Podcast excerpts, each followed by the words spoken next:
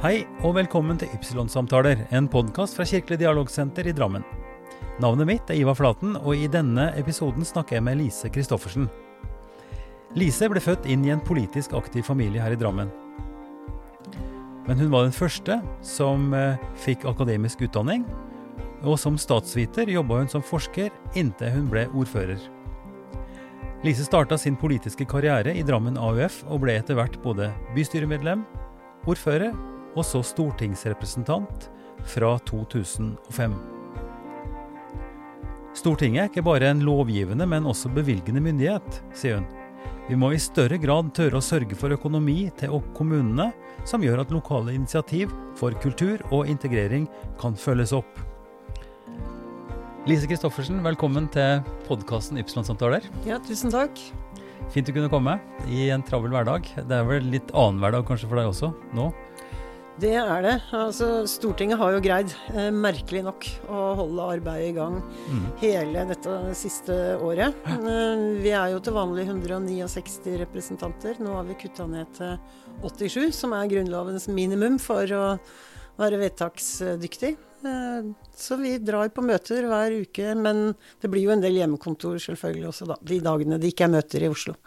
Så dere er på en måte kvotert, så det er delt opp at dere skal komme i, i passende mengder, eller hvordan blir det organisert? Det er nok vi som bor nærmest som uh, tar uh, veldig mye ja. av støyten. Vi har jo en del som kommer uh, langveisfra. Og mm. vi, som alle andre arbeidsplasser, har en del med underliggende helseutfordringer. Så, så, det er nok noen av oss som har vært der oftere enn andre det siste året. Men det har bank i bordet gått bra. Vi har ikke hatt noe smitteutbrudd. Nei. Vi, vi, så jo eh, det som ble gjort for et drøyt år siden med disse pleksiglassveggene som ble satt inn inne i stortingssalen, og sikkert gjort modifikasjoner ellers også. Men dere jobber mest hjemmefra, ikke så mye på kontor på Stortinget, eller? Eh, ei vanlig stortingsuke eh, er som regel uten møter på mandager og fredager. Det er det lange tradisjoner for, for det er dager som er satt av til å kunne eh, besøke bedrifter og, folk og organisasjoner i egen valgkrets. Men mm. tirsdager, onsdager og torsdager så er det som regel møter. Og det har det vært gjennom hele pandemien også. Og det har faktisk gått bra, da. Ja, veldig bra. Ja, vi hoppa rett i det. Stortinget. Ja. Stortinget har jo vært arbeidsplassen din i i ganske mange år. Når jeg har kikka litt, så er jeg tilbake fra 2005. Ja, jeg ble valgt inn i 2005, ja. Du kom inn der. Og så, før det, så har du vært aktiv her i, i kommunalpolitikken i mange år. Ja, jeg ble valgt inn i kommunestyret, eller bystyret som det het den gangen, da, i Drammen ved valget i 1979. Og da var det sånn at vi veksla til nyttår, så fra 1.1.1980 eh, var jeg medlem av bystyret i Drammen. Og fram til 2003, ser jeg. Ja. Mm men også i formannskapet da, fra 84 og, og like lenge. Ja, fra 84 og perioden uh, ut til 2003. Veldig interessant å høre litt om, om uh, hvordan du kom inn i politikken og sånn, og kanskje er det like greit at vi spoler helt tilbake uh, til liksom oppveksten din, og hvor du er født hen, og litt om, ja, litt om starten din. Hvem, hvem var den vesle Lise? Ja, eh, den aller yngste kan jeg ikke huske så mye av sjøl, men eh, ble født på Austa fødehjem. Ja. Eh, og bodde første halvannet året i Strømliveien. Mm. Det var jo skoger den gangen. Mm. Og så flytta vi til Åsia i firemannsbolig. Det var ungdommens selvbyggerdag. Så det var jo pappaene stort sett da, som eh, gravde ut tomter og støpte grunnmurer og Så det var virkelig hus. selvbygging det var snakk om? Det var selvbygging, ja. For det aller, aller meste. Ja. Veldig bra. Men altså, var han håndverker, eller var han flink med nevene? Faren min var typograf. Ja. Eh, I sånn eh, I gammel tradisjon, med bly. Ja, ja, Litt eh, mer helseskadelig enn Ja, det, jeg mm. har en sånn en hjemme. Ja. Akkurat. Ja, altså de gikk sammen og bygde hus der, og der vokste du opp? Der vokste jeg opp til jeg var elleve år. Da flytta vi opp på Bråtan. I eh, rekkehus i Herman Wilmeis gate. Og der ja. Eh, bodde jeg til jeg flytta hjemmefra. Mm. Og hva var på en måte familielivet? Altså, eh, jeg sitter jo og jobber i Kirkelig dialogsenter og er interessert i liksom verdigrunnlag og hvordan folk ja. blir de de blir, liksom. Hva, hva var det som prega hjemmet ditt? Kan du huske noe om det? Ja, eh, det var mye fagforeningsvirksomhet. Faren min var jo Ja. typograf, og det var jo Mm. ikke for ingenting. Nei. Så han var jo aktiv i eh, fagforeninga først i Drammen, og seinere i forbundet. Og endte opp som eh, leder av Norsk Grafisk Forbund, som dette etter hvert blei, da, før, Ja, han, ja. eh, før han ble pensjonist. Mm. Jobb, jobba han her i byen, eller i, i Drammen? Ja, han eh, begynte eh, hos eh, Våraker og satt på en settemaskin på soverommet hjemme i huset der. Ja. Ja. Eh, og han, eh, han var eh, mesteparten av tida i fremtiden. Eh. Både som maskinsetter og, og håndsetter. Avisa som ble borte, men som eh, har dukka opp igjen, som en del av Dagsavisen. Ja, det er jo veldig spennende konsept at en Ja. har klart å få det til ved å tenke litt ny vri. Det var Mm. jo veldig mange som var lei seg da Fremtiden gikk inn. Den Ja. var jo nummer to-avis. Det Ja. hadde den jo vært helt siden, eh, siden krigens dager. For Mm. eh, Fremtiden ble jo stoppa under krigen, og presse og alt ble jo beslaglagt. Ja, mm. akkurat. Ok, så, så fagforeningsarbeid, sans for eh, ja, rettigheter, eller altså jobbe med fellesskapet, eh, få gjennom det som var rettferdige krav, altså hele den, den delen her, som tydelig Arbeiderparti, skal vi si venstreside, eh, tendens, eller hvordan husker du det? Ja, altså jeg kommer jo ikke fra noen arbeiderpartifamilie. Foreldrene mine sto mye lenger til, til venstre. Uh, og det hadde nok også sin bakgrunn fra krigen, fordi eh, morfar han var aktiv motstandsmann, eh, sentralstyremedlem i NKP, kurer for Peder Furubotn, og han ble angitt og tatt oppe på Jevnaker. Det var siste tur før han eh, skulle over til Sverige, så hvor onklene mine hadde dratt i forveien. Eh, Men han kom seg ikke over, og han ble torturert og skutt på Trandum i 1944. Hm. Eh, Så det var også ei sterk eh, krigshistorie. Det var også ei sterk eh, kvinnehistorie med mormor som krigsenke. Mm. Og tre stykker å forsørge. Greide ved hjelp av hardt arbeid å dra dem gjennom en viss skolegang. Og mora mi fikk det som var, hette gymnaset og sekretærlinje etterpå Mm. den gangen. Og begynte å jobbe som det. På Ja. Viking Gummivare var vel den første arbeidsplassen hennes. Etter hvert på Kono, som sikkert mange drammensere husker. Det heter Risto i gamle dager, da det lå på Brakerøya. Produserte iskjeks. Jaha. Flytta ut på Lierstranda, ble kjøpt opp av et uh, amerikansk uh, selskap. Uh, og så gikk ting litt sånn fram og, og tilbake. Og så endte mora mi opp sammen med to andre og overtok bedriften eh, etter hvert, fordi de begynte å bli lei av å bli solgt til alle mulige andre. Akkurat, så det er en del både av eh, krigshistorie og industrihistorie i Drammen som er din, Mm. eh, din bakgrunn. Det er det. Og mormor var vel den som var mest på. Altså jeg er første generasjon i min familie som har fått muligheten til høyere utdanning. Og det var Mhm. mormor som var mest på. Du som er jente, nå må Ja. du bruke de, eh, de mulighetene du har. Hun visste hva det ville bety. Begynte å jobbe som tiåring i, eh, i butikk. Og jobba med Tok vaskejobber. Eh, jobba under krigen. Mm, hadde blitt arrestert sammen med mora mi, som bare var en jentunge, fordi de skulle vite hvor morfaren min befant seg. Det hadde vært ganske tøffe tider, og det var tøft etter krigen også. Og omsider så kom jo en del pensjonsordninger på plass, bl.a. krigsenkepensjon fra jernbanen, Mm. hvor morfar eh, jobba. Han jobba på jernbaneverksted på, på Sunnland. Eh, men det tok jo litt tid før det kom på plass. Og da det endelig kom, da hadde mormor på en måte følelsen av at hun var over kneika. Så hun sa at jeg trenger jo egentlig ikke den pensjonen, den er det noen andre som trenger bedre. Og så sier han men det fortsetter å komme en, enda jeg har skrevet og allting. så, så hun hørte nok til en generasjon som ikke var så kravstor som det vi kanskje er i, er i våre dager. Utrolig mye som forandra seg. Mm. Altså, både inni huet vårt og hvordan vi ser Altså den korte hukommelsen vi har òg, tenker jeg er ganske Mm. påtagelig eh, på tekniske ting. Hvordan vi tar liksom ting for gitt nå som, som er liksom et helt eventyr, som er utenkelige Mm. eh, i den tida vi var unger. da. Vi er nokså like gamle, vi to. Mm. Født i 55.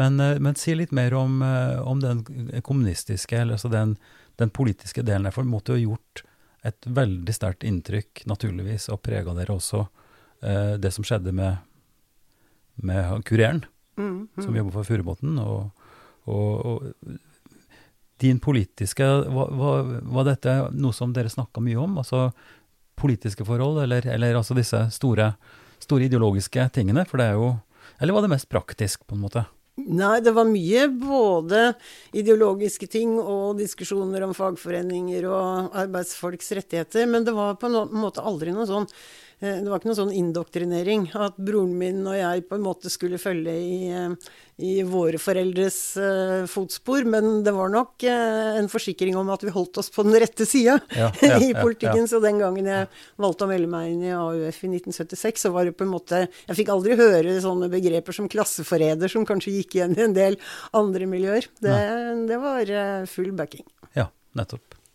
Men også når du For, da Eh, når du flytta hjemmefra og begynte studier og sånt, så, så var det innafor eh, sosiologi eller, eller samfunnsvitenskap du, du, var interessert i, først og fremst? Ja, jeg begynte først med språk. Jaha. Eh, så jeg har et grunnfag i tysk, men det tør jeg nesten ikke å snakke høyt om, fordi det var veldig teoretisk, som gjorde ja. at jeg Eh, jeg hadde tenkt på andre språkstudier også, fransk f.eks., men mm. jeg blei litt skuffa over måten det var innretta på. Veldig mye teori og veldig lite praktisk uh, tysk, sånn at jeg hoppa over til historie. Mm. Og så tok jeg det som, som det andre faget, og så begynte jeg på statsvitenskap. Ja. Og før jeg begynte på Blindern, så ante jeg ikke hva statsvitenskap var. Det het jo samfunnskunnskap da vi gikk ja, ja, på skolen, mm, men mm. det oppdaga jeg jo etter hvert som jeg jeg hadde gått på Blindern en stund og fått venner som hadde vært innom det faget fra før. Da syns jeg det hørtes veldig spennende ut. Men, men, jeg vil tro at du også, sånn som meg, når jeg, den gangen jeg studerte, så var jo AKP ML og den veldig radikale politiske bevegelsen veldig sterk på mm. universitetet. Mm. Eh, og, og, og, hvordan var det for deg å møte den sida av det, med den bakgrunnen du har? Ja, det var en helt fremmed verden. Det var sånn, Jeg orka ikke å engasjere meg i studentpolitikk i det hele tatt. Jeg var medlem av AUF-stud eh, for på en måte å, å, være støttemedlem. Men jeg dreiv den politiske aktiviteten min i Drammen AUF og i Drammen Arbeiderparti. Det som skjedde på Blindern, det var så fjernt fra det jeg oppfatta På hvilken måte? Si litt om det. Nei, altså jeg opplevde det på en måte som litt sånn borgerskapets eh, barn som hadde råd og tid til å flagre ut litt. Veldig mange av dem har vel kommet seg tilbake igjen dit de også opprinnelig kom fra. Og det var jo voldsomme diskusjoner, særlig på historie. Der sto jo AKP-ML veldig sterkt. Eh, og det var lange allmøter, og det var eh, en sånn tendens å trekke ut tida, sånn at folk måtte gå. Og en gang husker jeg det var én som satt i fagutvalget på historie, som var fra AUF-stud. Og AKP hadde funnet ut at han skulle ut. Så det var innkalt til et allmøte hvor det var fremma mistillit til han. Men da hadde folk eh, på eh, Historisk filosofisk fakultet faktisk fått nok, så folk ble sittende og satt og satt og satt og satt i over to timer nekta å gå før det hadde vært votering, og vi sørga for at han fortsatt hadde plassen sin fra Østud. Men vi var jo ikke så mange med den uh, arbeiderklassebakgrunn uh, på Blindern den gangen. Jeg mener å huske det sto noen uh, tall i Universitas på at det var 13 av studentene som hadde den typen bakgrunn. Da. Og da, når du da møter folk som på en måte prøver å fornekte hvem de er, prøver å ta over en rolle som en sånn slags elite som kan og veit alt mulig mye bedre, og til og med prøver å ta dialekta vår og radbrekker den og bruker a-endinger på feil sted og i det hele tatt Nei, det, det tiltalte meg aldri. Veldig interessant, fordi det er to helt diametralt motsatte eh, innganger til politikk. Mm. Fra den ideologiske, teoretiske, eh, skal vi si inspirert av Maoen, åpenbart, og, og altså bøker. Uh, mens din bakgrunn var hardcore realitet. Ja, og en sånn følelse av den følelsen har jeg enda, hvor jeg kommer fra. Eh, og hvem jeg kan takke for at jeg har det så bra som jeg har i dag. Og det håper jeg, og det ser sånn ut, at jeg har greid å overføre det også til neste generasjon. Så jeg håper det fortsatt går videre. Nå har jeg jo nettopp blitt farmor, så vi får håpe Gratulerer. det går bra også i den generasjonen. det er ganske stort, da, å kunne se på at barnebarn vokser opp. Det er det. Men uh, Lise, ta det litt videre. Når du da opplevde nærmest en sånn allergisk reaksjon mot den type politisk virksomhet, eh, og hadde aktiviteten i Drammen. Hva slags aktivitet var det eh, som var interessant der? Hva var den politiske virksomheten da i studieåra dine? Vi hadde et veldig aktivt eh, Drammen AUF. Eh, vi hadde faktisk flere AUF-lag i Drammen eh, den gangen. Eh, men jeg tilhørte Drammen AUF, da, som holdt til i, i sentrum. Og vi fikk jo lagsendinger sendende fra AUF sentralt da, med problemstillinger og diskusjoner å ta opp. Vi var veldig opptatt av internasjonal politikk mm -hmm. uh, i AUF på den tida. Vi hadde studiesirkler, og uh, for i det hele tatt å få lov til å bli medlem, så måtte du det første halve året gjennomgå en studiesirkel som heter Demokratisk eh, sosialisme. Som ja. var liksom den ideologien som vi bygde vårt politiske virke på. Og hvis du ikke vant på det, så fikk du ikke lov å bli medlem. så det var, det var, strenge krav. Ja, Seriøst? Skikkelig seriøst? Altså du måtte ja. vite hva du skulle stå for, eller ja. mm. vite bakgrunnen, ja. Mm. Mm. Kvittere ut at dette har du skjønt? ja, nemlig. nemlig. Og vi var jo veldig aktive. Altså vi var jo Hele sommerhalvåret så var vi jo på Utøya hver eneste helg. Eh, vi var på kurs og konferanser i eh, helgene.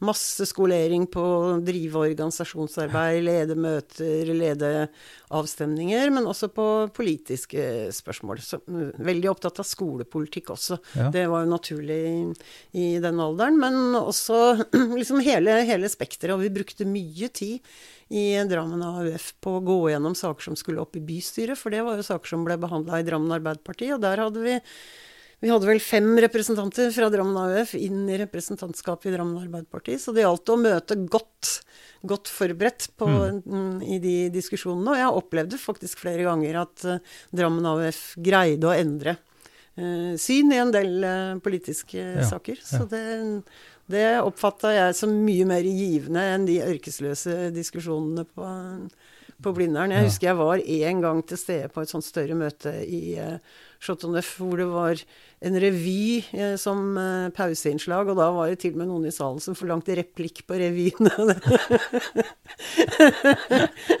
Såpass, ja. ja. Men det måtte jo ha vært òg et, et, veldig sterkt samhold. Du sier at dere var sammen liksom, hver helg på, på Utøya, var sammen Eh, en gjeng. Altså mm. det ble jo sånn et, et, type fellesskap som var mer enn akkurat bare å drøfte politikk, vil jeg tro. Ja da, og det er blant mine beste venner den dag i dag. Vi holder fortsatt sammen. Ja. ja. Hmm. Eh, så studiene dine, eh, når du da kom inn på statsvitenskap og også etter hvert eh, ble ferdig med studiene og begynte i forskning, si litt om det. Ja, eh, det begynte så vidt mens jeg var på, på Blindern. Så jobba jeg som vitenskapelig assistent for den ene av de professorene som jeg hadde som, eh, som veileder. Mm -hmm. Hjalp til litt på hans prosjekter.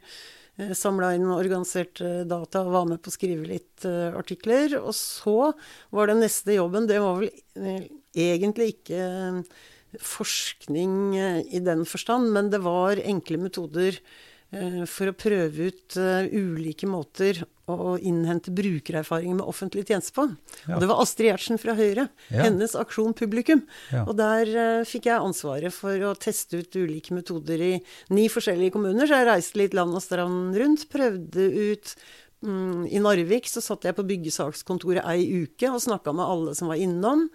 Biblioteket Vestvågøy la vi igjen enkle spørreskjemaer på disken. Ja, det var litt sånn forskjellige måter å se hva slags, uh, hva slags, resultater vi fikk. Og det, det, ville jo ikke holdt altså svarprosenter på liksom 7, 8, 9, 10 mm, mm. Det er jo ikke mye, men det gir en pekepinn ja, ja. uh, tross alt. Så det, mm. det, var ganske spennende. Uh, så gikk jeg derfra og over til Sosialdepartementet og jobba i trygdeavdelinga der mm. eh, fram til 89. Og så begynte jeg å jobbe på Institutt for anvendt sosialvitenskapelig forskning.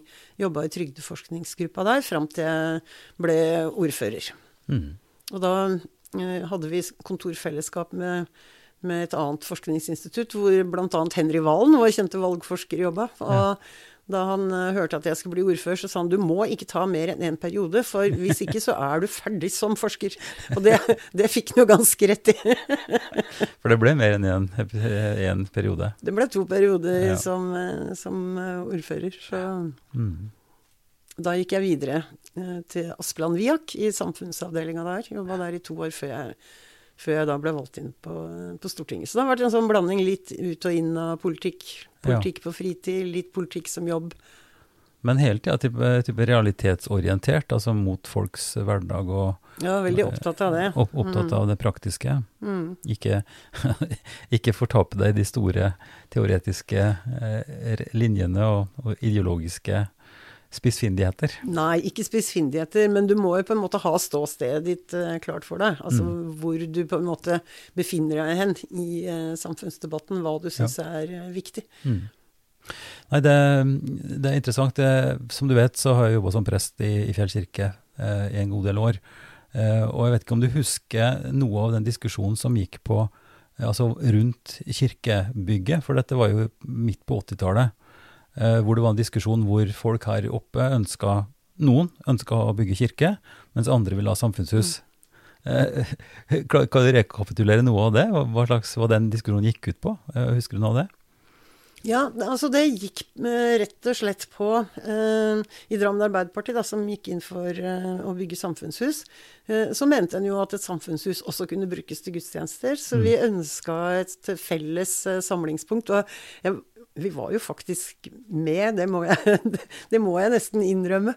Eh, vi gikk rundt på gudstjenester i Drammen og telte opp hvor mange som var på gudstjenestene på søndagene, og brukte det som et argument for at eh, et eksklusivt kirkebygg, eh, det var ikke det Fjell trengte. Men et eh, sambrukshus som alle kunne bruke, det var mye mer fornuftig. Ja. Så da fikk vi utsatt bygging av kirke en stund, faktisk. Men eh, det ble jo ikke noe samfunnshus, det tok jo enda lengre tid. Ja. Mm. Hva tenker du nå, hvis du ser tilbake?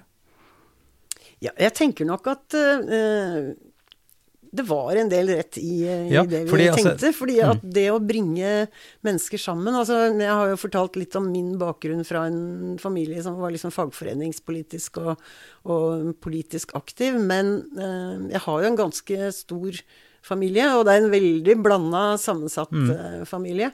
Eh, veldig få eh, medlemmer av statskirken. Noen fordi de er eh, ateister og ikke har noe gudstro, men mange fordi de er medlemmer av frimenigheter rundt i Drammen. Både i Philadelphia og i Knopp, Knoffen og Misjonskirken. Sånn at å se verdien av at en ut fra et felles ståsted og felles utgangspunkt i livet kan ha litt ulike livssyn, men samtidig respektere. Ja. Det husker jeg faren min var veldig opptatt av. Å respektere at andre hadde et annet livssyn enn det du, det du hadde sjøl. Det, det tror jeg er viktig. Det kunne vært interessant, altså bare sånn kontrafaktisk historie, da, å tenke på om dere hadde fått gjennomslag. Om det kunne blitt bygd et sånt felles eh, hus på Fjell. Eh, fordi eh, det er jo en ganske det er en tidlig tanke, men nå realiseres det jo flere steder at du bygger eh, hus som kombinerer det å være kirkehus og samfunnshus. Nå senest på Spikkestad eh, så ble det bygd et storarta, et vakkert, ja, mange vil diskutere kanskje, men et bygg som, som da huser både et kirkerom, men som er laga arkitektonisk sånn at det, du har et felles midtparti som, som er et inngang- og kaféareale, og så har du en kulturscene den ene veien, og så er det kirkedelen kirkedel den andre sida. Og så kan det slås sammen, slik at en kan bruke hele lokalet, altså begge veier på en måte. Eh, og og det er flere andre også som, som drøfter dette. Og i, i Sverige jeg kjenner jo til et bygg som er bygd eh, der en kirke og en moské har bygd hus sammen. Eh, der kirka er en del, og så står moskeen på samme tomt, og så har de et felles kaféområde. Så hele den, den ideen om at en lager tilgjengelighet og, og struktur, sånn at folk kommer bort til hverandre. Eh, jeg pleier å si det sånn, altså at du blir uts utsatt for hverandre på en eller annen måte. Så det kunne vært veldig interessant å, å sett eh, hvordan det ville vært. Og så vil jeg kanskje påstå, da, i all ubeskjedenhet, at, at idealet i Fjell kirke nå eh, vil være det samme. Altså at vi tilrettelegger for den veldig breie eh, møtefunksjonen i huset, som har, som har rom nok til å kunne huse forskjellige ting. Sjøl om hovedrommet naturligvis er, er definert som et kirkerom. da. Ja, da, og det, det tror jeg absolutt er en viktig og riktig vei å gå. Eh, vi trenger å samhandle med hverandre. Vi trenger å oppdage hvor like vi egentlig er i bunn og grunn, enten vi har det ene livssynet eh, eller det andre livssynet. Og det syns jeg er noe av det fine her i Drammen, at eh, mennesker med ulike livssyn kan samhandle eh, såpass tett og såpass godt, og at det også faktisk omfatter de som ikke har et eh, livssyn som er basert på en guddom, da, men som har et humanetisk eh, utgangspunkt. Ja. Ja da, og der har vi heldigvis en eh, nå lang tradisjon her i byen eh, på å jobbe strukturert med akkurat det. Eh, og kunne samarbeide på tvers av disse tradisjonelle linjene. Men la oss Vi kan ikke bare ta det sporet, nå må vi tilbake igjen litt. Mm. Fra, fra, la oss si midt på 80-tallet, da, eller den perioden hvor, hvor du på en måte fra AUFs side var med og drøfta politiske ting som skulle inn i, i bystyret. Eh, og jeg har snakka med folk eh, i, i, tidligere som var veldig opptatt av det med, med forurensninga. Med industrien som, som eh, på mange måter var med å ødela vannet. Det var forgifta, det var ikke noe liv der. Du måtte langt ut i fjorden for å kunne bade. altså alt dette her. Og så skjedde det jo ting. Kan ikke du fortelle litt om det, hvordan det så ut fra din side, det arbeidet? Ja, det spørs hvor, hvor, langt tilbake vi skal gå, men Du kan velge. ja. Da velger jeg å gå tilbake til den gangen uh, Arbeiderpartiet styrte byen, på, uh, på 70-tallet. Mm. Uh, da hadde vi en boligpolitikk i Drammen som gikk ut på at kommunen kjøpte opp tomter, tilrettela for selvbyggere, husbankfinansierte Eh, hus. Eh, kjøpte seg inn i borettslag med et visst eh, antall leiligheter. Og vi hadde en ganske høy boligproduksjon. Og med den Vi bygde vel 450-500 boliger i året. Da var jo Drammen litt mindre enn det mm. Drammen er i dag. Mm. Eh, og med til den boligforsyningsplanen som vi kalte det, så hørte det også en kloakkrammplan. Ja. Eh, da eh, Drammen skifta politisk styre i eh, valget i 1979. Da var det enda planlagt eh, for et ja, par, tre, fire år til med den eh, intensive boligbygginga. men da den eh, var over, og det som var tilrettelagt fra kommunen på en måte var ferdigstilt, eh, da gikk en over til private, til private, utbyggingsavtaler med grunneiere. Og det førte til nesten full stopp i eh, boligbygging, og det førte også til stopp i kloakkramplan. Eh, og, Hva var grunnen til det? Nei, det var rett og slett at det kom ingen altså det var ingen grunneiere som så seg tjent med på det tidspunktet å bidra til å tilrettelegge for boligbygging. Det kom først når det begynte å bli ganske mye penger å, å tjene på det. Mm. Eh, så fikk vi eh, rett og slett beskjed fra miljøvernmyndighetene via Fylkesmannen at Eh, regjeringa vurderte å legge ned byggestopp i Drammen eh, sentrum. På det tidspunktet hadde vi liksom begynt å tenke litt i de, eh, de banene, uten at det hadde skutt veldig fart enda. Men det kom rett og slett en antydning om et byggeforbud hvis vi ikke rensa elva. Nettopp. Og er det korrekt, sånn som det har blitt sagt i denne podkastserien før, at det var såpass ille at, at kloakkbilene kjørte rundt i, i, i borettslaga? Eh, og i, i hus og, og, tømte septiktanker, og så bare kjørte rett ut i elva og tømte det? Ja, eh, det var en del av bildet. Og så var det jo andre som ikke hadde septiktank engang, men hvor det bare gikk liksom rett ut i Da ledninga gikk rett ut i Rett ut i elva. Hvis du hadde snakka med Petter Øyjord, så tror jeg han kunne fortalt om det som var sporten da han var guttunge. Løpeomkapp med bæsjen. det er Petter, Petter som er referansen min. Han ja. hadde en times samtale med han om dette. Eh, og han fortalte ganske levende om om det, og, og, hvor ille det var ikke sant, på, på våren når, eh, når, disse svære kakene fløyt opp mm. eh, fra fabrikkene og fløyt nedover elva. og ja, i det hele tatt ganske uhumsk greier. Ja, nei, så det... Men ja. altså, da trykket kom utafra, for da, da ble det et pålegg om at dette ikke går lenger mm. fra myndighetene ja. sentralt. Eh, og igjen så, så, hadde jo Drammen Arbeiderparti en rolle, sjøl om vi ikke satt ved makta da, fordi at vi hadde en miljøvernminister som het Sissel Rønbeck. Mm. Uh, og som sendte beskjed til Drammen Arbeiderparti kom inn på møtet så setter vi oss ned og ordner dette. Cirka hvilket år snakker vi da? Ja, Da er vi sånn litt over midten, andre halvdelen eh, av 80-tallet. Det var vel i 86 vi fikk det pålegget, hvis mm. jeg ikke husker helt feil, mm. om, eh, om kloakkranplan. Mm. Eh, så lagde kommunen sin del av planen, og staten bidro med penger. Og betalte ganske mye av gilde. Og den planen den var ferdig fem år før tida. Eh, så det gikk jo riktig bra. Mm. Det viser jo også at det går an å samarbeide mellom eh, stat og kommunale myndigheter for å oppnå det som er målsettingene for begge to. Mm. Myndigheter på, på begge nivåer. Men også et ganske stort folkelig engasjement. Petter fortalte jo om at de dro rundt med underskriftslister, og, og at det også var ganske dramatisk i bystyret. At det, det var bare på hekta at dette gikk gjennom. Altså man, man skjøt dette fram og sa at nei, elva skal være rein om altså på 2000-tallet en gang. Mens, eh, mens eh, utålmodige eh, og ønsket var jo å få gjort det ganske fort. Mm, mm. Så det ble, satt, altså det ble stramma inn også. Jeg vet ikke om, det er klart Her er det forskjellige synspunkter og kanskje litt forskjellige oppfatninger, men, men at det var også et, et ganske stort trykk utafra som ikke nødvendigvis var reflektert i bystyresalen.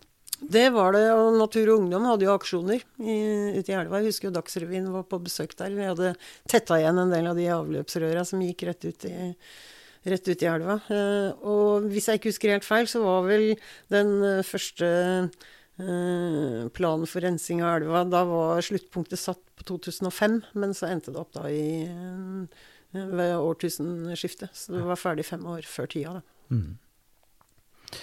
Og nå skryter alle av Drammen, hvor fint det har blitt. ja da, nå går det an å bade i elva. Og så hender det det dukker opp noen målinger innimellom som ikke er helt sånn som de skal være. Jeg husker den ene skyldtes vel oppe på Ås i at det var to rør som var kobla feil. Ja, ja. Men det blei i hvert fall oppdaga ja. og, og retta på. Hmm. Uh, I dine år uh, fra 80, da, for da, da satt du i bystyret når disse prosessene gikk. Mm. Uh, fra 80 og utover til 2003, hva er det du husker som som viktige ting, altså skjellsettende ting som du vil se tilbake på hvis du skulle skrive en biografi, eller hvis du skulle, hvis du skulle tenke tilbake. Hva, hvis, hva, hva, når brøyt det virkelig? Hva var viktig i den perioden, syns du? Det var nok eh, det med rensing av elva. Altså, eh, jeg har et sånt bilde oppe mitt eget, eget hue helt fra, fra barndommen av, at folk i Drammen hadde ryggen mot elva.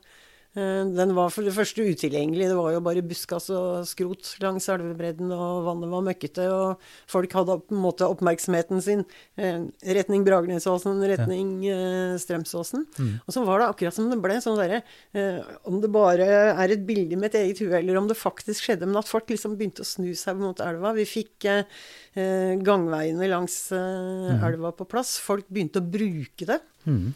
Eh, det var på en måte et sånt skikkelig gjennombrudd. Og så var det Veipakke Drammen. Eh, og det at vi la om fra å planlegge store boligfelter utafor byen, som bare fører til økt eh, forurensning og mye biltrafikk, og begynte å se på hvordan kan vi fortette mm. innafor de byggesonene vi allerede har, og skåne, skåne marka. Da mm. var det jo viktig å få gjort noe med trafikken. Mm. Og det at Veipakke Drammen kom på plass på tegnebrettet og med vedtatte reguleringsplaner, sånn at det var ganske sikkert hvordan det kom til å bli. Mm. Det utløste en del aktivitet, og vi så også at uh, private eiendomsutviklere Mm. Ehm, begynte å fatte interesse for uh, Drammen. Kommunen, vi var tidlig ute. Vi ønska å ha en form for beslutningsberedskap. Ikke havne i sånne ørkesløse diskusjoner hvor én utbygger får en god idé, bruker tid og krefter på å lage en reguleringsplan, leverer den til kommunen og sier at denne skal jeg ha igjennom. Uh, det fører på en måte ingensteds hen. Det blir ikke noe samla plan over. Mm. Så vi begynte å rigge opp kommuneplanen vår på en helt annen måte enn vi hadde gjort før, med arealplaner. Eh, med en samfunnsdel som viste tydelig hvilken retning vi ville at bysamfunnet skulle utvikle seg i. Og det gjorde at eh, private investorer på en måte kunne drøfte sine forventninger med kommunens før vi satte i gang. Mm. Eh, Trond Aasheim, bl.a., mm. eh, nede på Union, han har jo sagt at det starta utviklinga av det området med at ingen helt visste hvor vi skulle, men vi visste på en måte litt sånn mm. hva vi ville ha, og det hadde kommet fram i diskusjoner ja. med kommunen, og så utvikla det seg på en måte steg for steg. Så det med å rense elva og få rydda opp i sentrumstrafikken, det var to ganske viktige forutsetninger mm. for den byutviklinga som, som, vi har hatt i Drammen. Mm. Og så vil en kanskje si at eh, en annen, en annen, annen interessant tendens eller utvikling er jo uh, utviklinga fra Drammen som en industriby, som trakk folk fra hele landet, og også utafra, i en hel rekke ulike typer industrier. Og så omstillinga som gjorde at altså papirindustrien, som etter hvert ble mindre, og i det hele tatt overgangen fra industri til kunnskap, eller altså hele den omstillinga som gikk der. Um, og ikke minst da innvandringsdelen, etter hvert som det kom uh, at innvandrere som kom som arbeidsinnvandrere på ja, fra 70-tallet, uh, skjønte at de skulle bli lenger. og hva, hva, husker du fra den, den, prosessen? Og Fjell er jo så klart en del av den pakka, da, hvor, hvor jeg har mest kjennskap sjøl. Men si litt om den, det aspektet av industriutviklinga og innvandringserfaringa. Ja, øh, det med at industrien eh, etter hvert eh, forsvant, gjorde jo også noe med arbeidsmarkedet for den innvandrerbefolkninga som du snakker om. Mm. Det ble etter hvert færre og færre av den typen jobber som du bare på en måte kunne spasere rett inn i. Det var ikke sånn lenger at det var nok å vite at den grønne knappen starta maskinen og den røde stoppa den, for å si det litt uh, forenkla. I dag er jo, er jo det som er av industri og industrielle prosesser, kunnskapsbasert så det holder. Mm. Allerede i 1995 så eh, tok Drammen Arbeiderparti initiativ til, eh, til eh, Eller 91, tror jeg faktisk det var. Vi må så langt tilbake. Til en hand, egen handlingsplan for eh, Fjell, hvor vi inviterte til innbyggermøter. Eh, og det kom ganske mange. Mm -hmm. Vi lånte, vi lånte jeg tror det var gymsalen på Fjell eh, skole, men jeg er ikke helt sikker. Eller om det var oppe på, på senteret der. Men i hvert fall så, eh, så stilte vi en del sånne åpne spørsmål om hva folk som bodde på Fjell, ønska seg av mm. utvikling for bydelen. Vi fikk det faktisk vedtatt i bystyret, men så ble mm, snudd opp ned på Eh, bare en måneds tid eh, etter, og vi skjønte ikke helt hva det var eh, som egentlig skjedde. Det har jeg vel egentlig aldri skjønt. Men så kom jo på en måte Fjell på, på dagsorden igjen, da. Samtidig så hadde vi også i, i kommuneplanen så hadde vi satt en sånn overskrift at vi ønska kultur som motor i byutvikling. Ja. Mm. Og vi prøvde, å, vi prøvde å løfte fram at vi egentlig var stolt av å være innvandrerby nummer to i Norge, bare slått av Oslo. Og at det faktisk var en styrke som vi burde kunne bruke på en mye bedre måte mm. enn det vi hadde klart. Eh, jeg syns fortsatt ikke vi er helt i mål. Det er mye kunnskap, ubrukt eh, kunnskap blant uh, blant deler av Drammens befolkning. befolkning. Mm. Som i en åpen og globalisert verden eh, må være gull verdt for den som, eh, som evner å se det. Mm. Og så var det mye spennende kultur, både mat og annen form for kultur. Vi, vi starta jo prosjektet Bygg broer, ja. ikke murer. Med Enver Julemann og, ja, og noen andre. Ja, og det måten det hele kom i gang på, det var faktisk i forbindelse med jubileet for FNs menneskerettighetserklæring. Mm. Hvor Enver og Per Arne Knutsen, som den gangen var leder for Drammen barne- og ungdomsteater, tilfeldigvis havna ved siden av hverandre på toget og begynte å prate. På toget inn til Oslo. Mm. Og kom inn på det temaet, og hvor spennende det hadde vært om Drammen barne- og ungdomsteater kunne bidra til å lage noe i forbindelse med menneskerettsjubileet. Men, men, men, det er jo ingen av oss som har noe penger, så det blir vel ikke noe av. Og da sa Per Arne Knutsen jeg kjenner ei som har penger, for Per Arne Knutsen er min barndomsvenn som jeg vokste opp i vegg i vegg i, i Store Landfall den første delen av, av barndommen. Ja. Så plutselig så sto de på døra på ordførerkontoret, og så fant vi ut at jo, dette var jo spennende. Ja. Og så begynte det egentlig å balle litt på seg. Så Bygg broer, ikke murer ble et større og større prosjekt. Vi begynte ja. å hente ungdommer fra, fra Balkan til mm. Drammen. Vi sendte Drammens ungdom ned ja. til de gamle krigsområdene på eh, Balkan. Vi hadde prosjekter i skole, i eh, barnehager. Eh, kjempespennende. Vi fikk også litt penger fra staten. Vi hadde forestillinger i teatret hvor vi blanda eh, blanda norsk heavy metal med indisk klassisk ja, ja. musikk. Og det, det låt aldeles, aldeles flott. Da var Jay og Rohini med, vil jeg tro. Mm, mm. Men eh, nå syns jeg på en måte det der har dabba litt uh, av igjen. Mm, det burde vært løfta opp og ja. fram. Nå som kulturlivet etter hvert kommer opp og stå, så må det kunne gå an å hente fram en del av det. Altså, jeg så jo hvordan en del av de eh, prosjektene vi gjennomførte under den paraplyen, fikk folk til å vokse. Altså, mm. vi hadde Vi hadde bl.a. kontakt med mm, Beishir i Tyrkia, hvor veldig mange av våre drammensere med tyrkisk opprinnelse mm. kommer fra. Mm. Og sammen med dem så arrangerte vi en utstilling på Drammens museum som heter Jevne Ylke, som betyr det nye landet. Ja. Der viste vi alle avskygninger av tyrkisk liv i Drammen. Alt fra det nesten mer tyrkisk enn det tyrkiske, fordi en hang igjen i tradisjoner som var 20 år gamle og i hjemlandet. Og forsterker de naturligvis. Ja, Når du sant? kommer i eksil, så er det viktig å holde mm. fast på ting. Ja. Og helt over til dem som var liksom helt assimilert i Drammen-samfunnet, og alle avskygninger imellom. Eh, og vi var jo veldig spente, da. Vi henta kunstnere, vi henta teppevevere fra Tyrkia som satt og og jobba under utstillinga og svarte på spørsmål. Vi var veldig spent på om det kom mye folk. Og det gjorde det.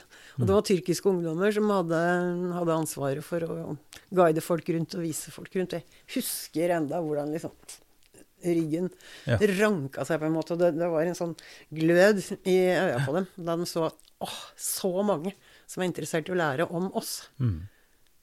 Det der var en, virkelig en sånn eh, tankevekker, at det der må vi gjøre mer av. Ja. Rett og slett. Ja, nei, det, Ambisjonen er jo der, og vi har jo holdt på nå i ja, elleve år med noe som heter Drammen Sacred Music Festival, som mm, er jo et, mm. et, ønske om å gjøre, altså feire, eh, vise, høre musikk, eh, aktiviteter i ei uke i september. Og, og nå de siste to-tre åra så har vi jo hatt Globusfestivalen, som har vært en sånn eksplosjon av av eh, både kulturuttrykk og mat osv. Mm, som, mm. som viser noe av det samme. Men det er klart den langsiktige strukturen, altså prøve å holde fast i og, og fokusere, f.eks. sånn som da Tyrkia i en eget, eget program og, og, gjort noe systematisk på det over tid. Det er klart, her har vi Vi er jo skryter jo at vi har 150 nasjonaliteter ca. representert mm. i, i, byen, og at det er et potensial der for, for å kunne både løfte opp og å, å tydeliggjøre og, og, trekke, altså lage relasjoner antageligvis da, rundt omkring som, som, det kunne ha vært gjort mye på. Ja, det skjer jo også mye spennende i det som er opprinnelseslandet til en del eh, drammensere også, da. Altså det, det, slo meg første gangen vi reiste på besøk eh, til Tyrkia, eh, som kommune til kommunebesøk. Da fikk jeg besøk eh, på ordførerkontoret før vi reiste. Mm. Uh, og som sa at uh, kan dere være så snill å fortelle oss etterpå hvordan det var der? For vi har ikke vært hjemme på lenge. Vi henger ikke helt med. Hva er det som ja. foregår? Til den andre sida av saken, kurdere bosatt i Drammen, som ikke satte særlig pris på at vi skulle reise, men som jeg husker jeg hadde en lang prat med, og sa at grunnen til at dere er her, er jo særlig dere som er kurdere, fordi dere har flykta fra en konflikt mm. som gjorde det umulig for dere å bli der dere var. Og dere kan ikke ta med den konflikten hit. For da var det jo ikke noe poeng i å flykte Nei. fra den. For det var jo det dere ville. Uh, og jeg mener det går an å bygge, bygge bruer mellom uh, folk som i utgangspunktet kanskje er skikkelige fiender. Uh, og da må det jo i hvert fall kunne gå an å bygge bruer mellom folk som lever litt annerledes på hver sin måte, og som ikke er fiender i utgangspunktet. Det er jo det som er det store spørsmålet, og det som er den store eh, ja, utfordringen nå, tenker jeg. Fordi vi er jo så knytta opp eh, til hverandre på kryss og tvers i verden nå. Sånn at vi er jo, Når det smeller i Tyrkia, så rystes det her. Mm. Eh, og når konfliktene spisser seg på Sri Lanka, så, så er det også i høy grad til stede her. Mm. For vi, Når folk flykter, så er det ikke fordi at de, de brenner av lyst til å komme et annet sted men de må flykte fordi at det er umulig å være der. Og, og det er jo en grunn, som er konfliktbasert ofte. Så det er jo også et sånn ganske det, det, Du aksler et ganske stort eh, prosjekt da, hvis du skal prøve å, å skape en eller annen type harmoni eh, hvor, hvor eksiltilværelsen er så prominent. Eh, vi snakka om en ved Juleman, som dessverre døde nå i mm, fjor, mm, mm. men som kom fra Bosnia og gjorde en manns arbeid for å, for å jobbe for menneskerettigheter og for å jobbe for dialog på sitt vis i Helsingforskomiteen og sånt. Men, men, men den ambisjonen da, som du som ordfører, og som mange av oss, ja, flertallet sikkert, ønsker å få til her i Drammen, er jo et, et uttrykk for en, en, global by hvor folk snakker sammen, og hvor det går an å leve med sine identiteter samtidig uten at det skal føre til, til blodsytelser.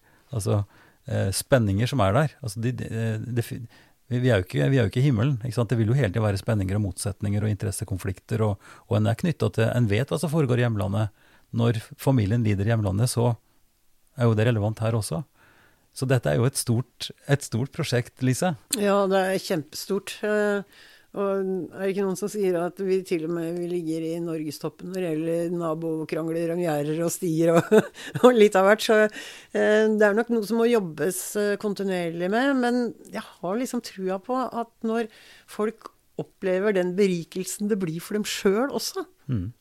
å få et innblikk, eh, kjenne kultur og historia til, til, folk som ungene dine går sammen med på, mm. på skolen, ta del i matopplevelser. Altså eh, Og vi ser jo etter hvert altså vi ser jo en del litteratur etter hvert som kommer fra en del forfattere fra Midtøsten, som også slår bra an i, i Norge og selger bra her. Det, det, må jo være fordi det spiller på noen menneskelige strenger. At sjøl om omgivelsene er annerledes, så er det noe grunnleggende som vi mm. kjenner igjen i oss sjøl. Mm. Jeg har jobba mye med dette her, og, og, det som slo meg, som var en sånn direkte erfaring i, i prestetjenesten, det er jo det som skjer når du blir invitert hjem til folk som har mista noen. Mm. Og skal være med å snakke om et liv som nå er slutt, og, og forberede begravelse osv. Og, så eh, og, og skjønner da, så folk som er knytta til kirka og derfor vil ha en prest der. Men, men, det er jo et sånn kjempespekter av ulikheter, hvor sterkt en er knytta til tro eventuelt, hva slags bakgrunn, hva slags jobb en har, hva slags interesse en har. Så innafor det som vi kan kalle en sånn relativt homogen, det som vi ser på som, som fellesskapet, det norske fellesskapet, som du sier, det er jo et hav av ulikheter inni der. Ja, og, og hvis en klarer å konvertere den tanken, og den erfaringa, altså inni en familie, er jo store forskjeller. Ikke sant? Eh, og, og, hvis en da klarer å tenke på at ja, men sånn er det jo for alle. Altså Vi er knytta til vår bakgrunn og historie og tro og hva det måtte være, på veldig forskjellig vis. Og vi har forskjellige livshistorier. Og derfor så blir det så interessant å høre livshistoriene også. Eh, og forholde seg til, til, mennesker, og ikke til en eller annen idé om noe som karakteriserer f.eks. si en muslim, da, så har folk sine ideer om hva det er for noe. Men det er jo like lite relevant som å snakke og si at du er kristen. Ikke sant? Hva, mm. hva betyr det, liksom? Hva, mm. hva, er det sagt med det? Eh, er det fordi at du er interessert, uinteressert? Er det tradisjonen din det er snakk om? Er det de som representerer den varianten, som er flinke? Altså, skjønner du? Så hele den der og Derfor sier jeg at vi må bli utsatt for hverandre, eller vi må på en måte møtes med lave skuldre for å være interessert i personen Lise, først og fremst, og ikke altså en eller annen etikett da, som blir klistra på deg av noen. Mm, mm. Og det er jo det det handler om i et bysamfunn som vårt òg. Ja, altså du, du, nevnte det å være prest og besøke familier som har, har mista noen. Den siste, siste jeg mista, var mora mi. Det, det, har gått noen år nå, i 2016. Eh, og på det tidspunktet, eh, og det er jeg evig takknemlig Anniken Huitfeldt for, at eh, hun faktisk innførte livssynsnøytral mm. bisettelse, eller begravelse. Ja. Eh, fordi eh, hvis du skal ha en humanetisk begravelse, så følger den visse ritualer. Mm.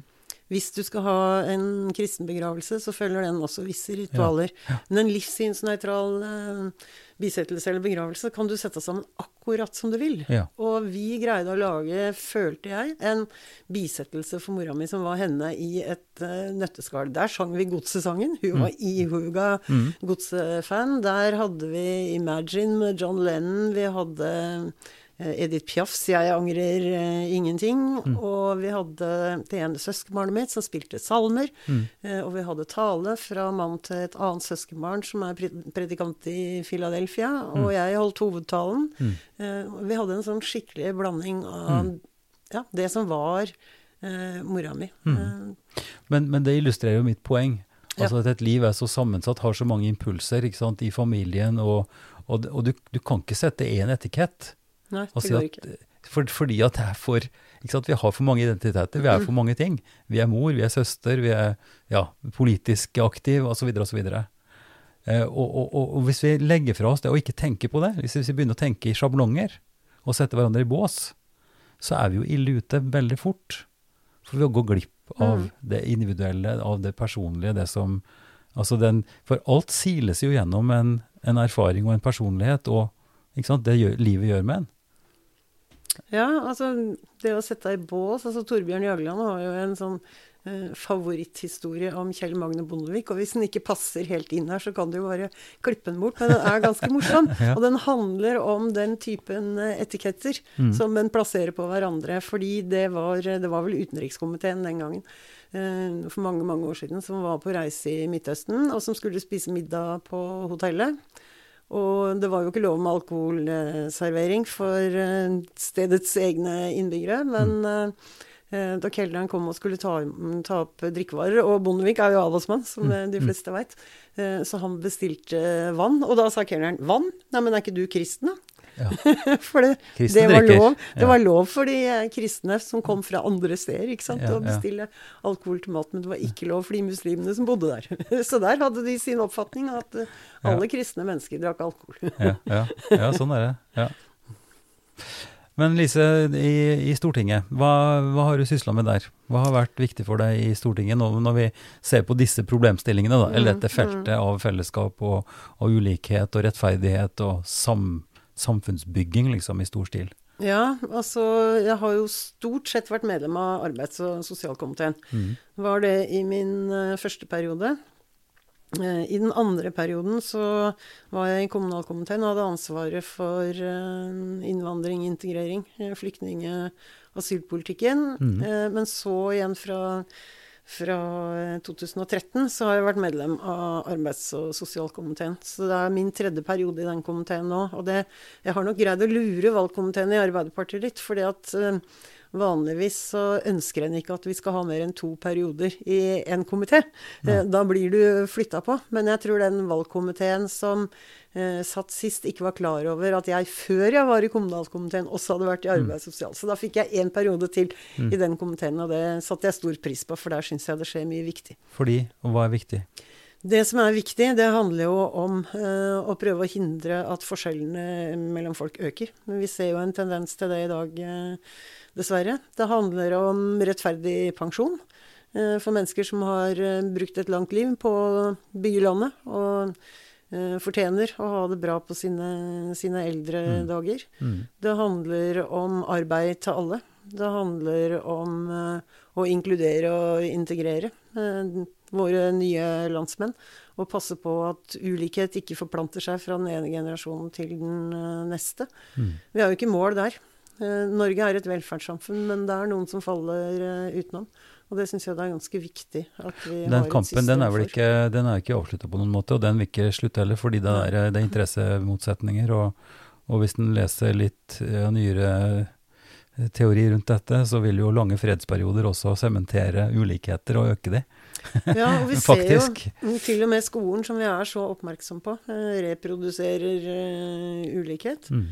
Og særlig nå, vi ser jo under pandemien, altså vår tidligere AUF-leder eh, sa jo at eh, koronaen er som et forstørrelsesglass på ulikhet. Og vi ser jo nå at det er noen som virkelig har vært nødt til å betale den prisen. Det er eh, dem som kanskje sleit eh, mest fra før, Mm. som har hatt det tøffest nå også. Mm.